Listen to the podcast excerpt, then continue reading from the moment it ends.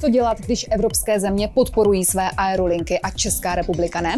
Jak na to pohlíží právo? Je to právně správně?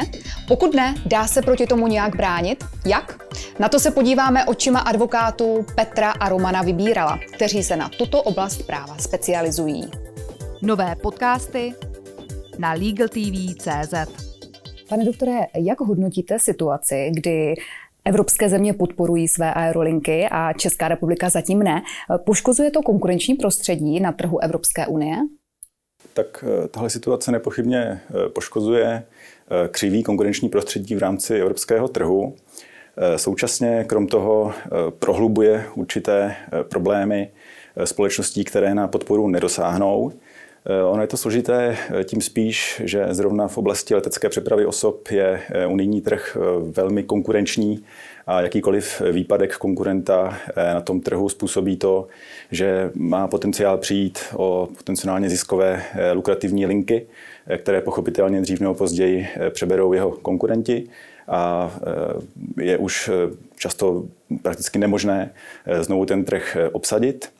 Ono tady v této souvislosti eh, je podstatné zmínit určitý rozpor mezi eh, platným právem a určitou ekonomickou morálkou, kdy pokud bychom měli zachovat eh, stav před rokem 2020, před tou takzvanou koronakrizí, tak by bylo vhodné na všechny ty soutěžitele, všechny ty dopravce nahlížet minimálně obdobnou optikou a to minimálně v rámci unijního práva. Unijní právo obecně, respektive Evropská unie jako taková v tom moderním pojetí je ostatně vystavena na několika principech. Dva z těch principů jsou solidarita a rovné zacházení. A právě v okamžiku, kdy platné právo přestává stačit, přestává být dostatečné pro účely praxe, tak je potřeba tyto dva principy eh, nějak eh, aktivovat.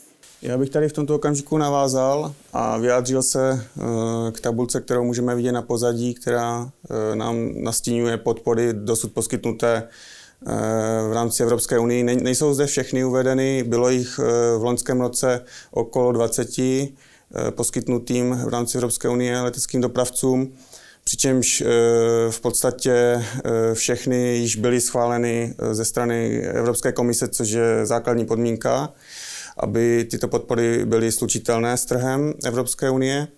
E, přičemž e, tady vidíme ty částky, o jaké se jedná. E, v podstatě v některých případech se jednalo o sumy v řádu desítek miliard korun, které byly přislíbeny nebo poskytnuty leteckým dopravcům.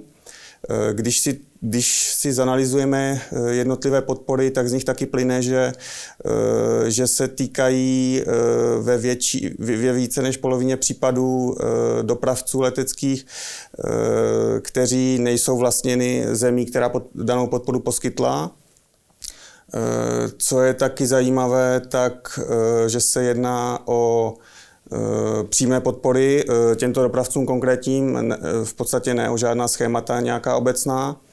A co stojí ještě za zmínku tady, tak byly poskytnuty podpory i v případech leteckých dopravců, kteří se nacházeli v problémech finančních, například již i před, před vypuknutím covidové krize.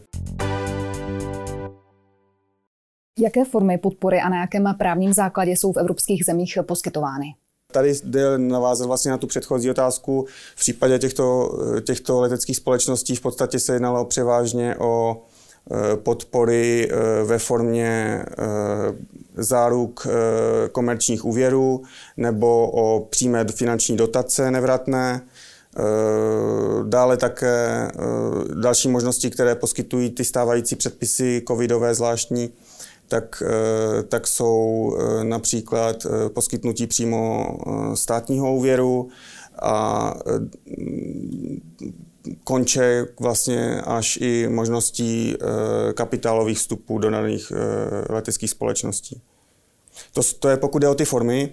A co se týče právního základu, tak v podstatě Evropská komise se staví vstřícně ke schvalování těchto podpor, protože uznává, že, eh, že tato mimořádná covidová situace, zejména a vlastně uzemnění letadel s tím spojené, tak představuje eh, velkou zátěž pro obraz letecké dopravy. Je zájmem Evropské unie zachovat minimálně volný pohyb osob, takže i v tomto kontextu se staví vlastně při schvalování těch podpor k těmto podporám vstřícně. Co mohou dělat eh, české letecké společnosti, když eh, evropské aerolinky získávají podporu a oni ne? Mohou se nějak bránit? Jak? Tak tady těch eh, nástrojů pro případnou efektivní obranu příliš není. Jeden z nástrojů by spočíval v tom přesvědčit v daném případě Českou republiku, případně jiný členský stát, k tomu, aby využil určitých mechanismů, které nabízí unijní právo a obdobnou podporu ať už skrze nějaká mimořádná covidová opatření, eh, poskytl rovněž. To by byla jedna, jedna varianta. Druhá varianta eh, spočívá v napadání již, již poskytnuté a Evropskou komisí schválené podpory. Eh, touto cestou se mimo jiné vydala společnost Ryanair, která již napadla u Soudního dvora Evropské unie. Některá tato schválená rozhodnutí uvidíme, jak Soudní dvůr rozhodne. A pak je tady určitá třetí, spíše mezní varianta, která by spočívala v aplikaci paragrafu 19a zákona o ochraně hospodářské soutěže, kdy dané ustanovení, teďka budu parafrázovat, konstatuje, že orgán veřejné zprávy nesmí bez legitimních důvodů narušit svým konáním hospodářskou soutěž. Pane doktore, eh, nenarušuje vnitrostátní soutěž také selektivní podpora jen některých odvětví cestovního ruchu? Například sedačkovné se týká autobusové dopravy a provozovatelů vleků a lanovek, ale letecké dopravy opět ne. Letecká doprava je v tomto specifická, že eh, se týká převážně mezinárodní, eh, mezinárodních linek. A tím pádem bych tady toto úplně, tyto dvě, dva typy oblastí cestovního ruchu nesrovnával.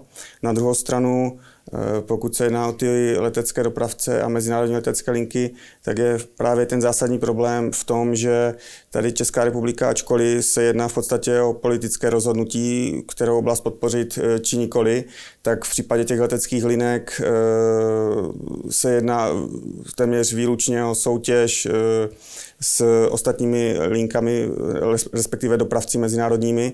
A tady už, tady už vlastně Česká republika nerozhoduje rozhoduje, není v tom rozhodování sama, ale musí hledět i na to, dle mého názoru, Eh, jak k tomu přistupují i ostatní země v podstatě. A jestliže většina eh, unijních zemí své dopravce podpoří, tak eh, v takovém případě mám za to, že pokrovou terminologií by i Česká republika měla v takovém případě dorovnat, protože jinak, jinak se už tak v tak těžké situaci, ve které se dopravci nachází, tak tato situace se ještě zhorší, vlastně pokud nedojde alespoň k dorovnání Eh, těch zahraničních podpor.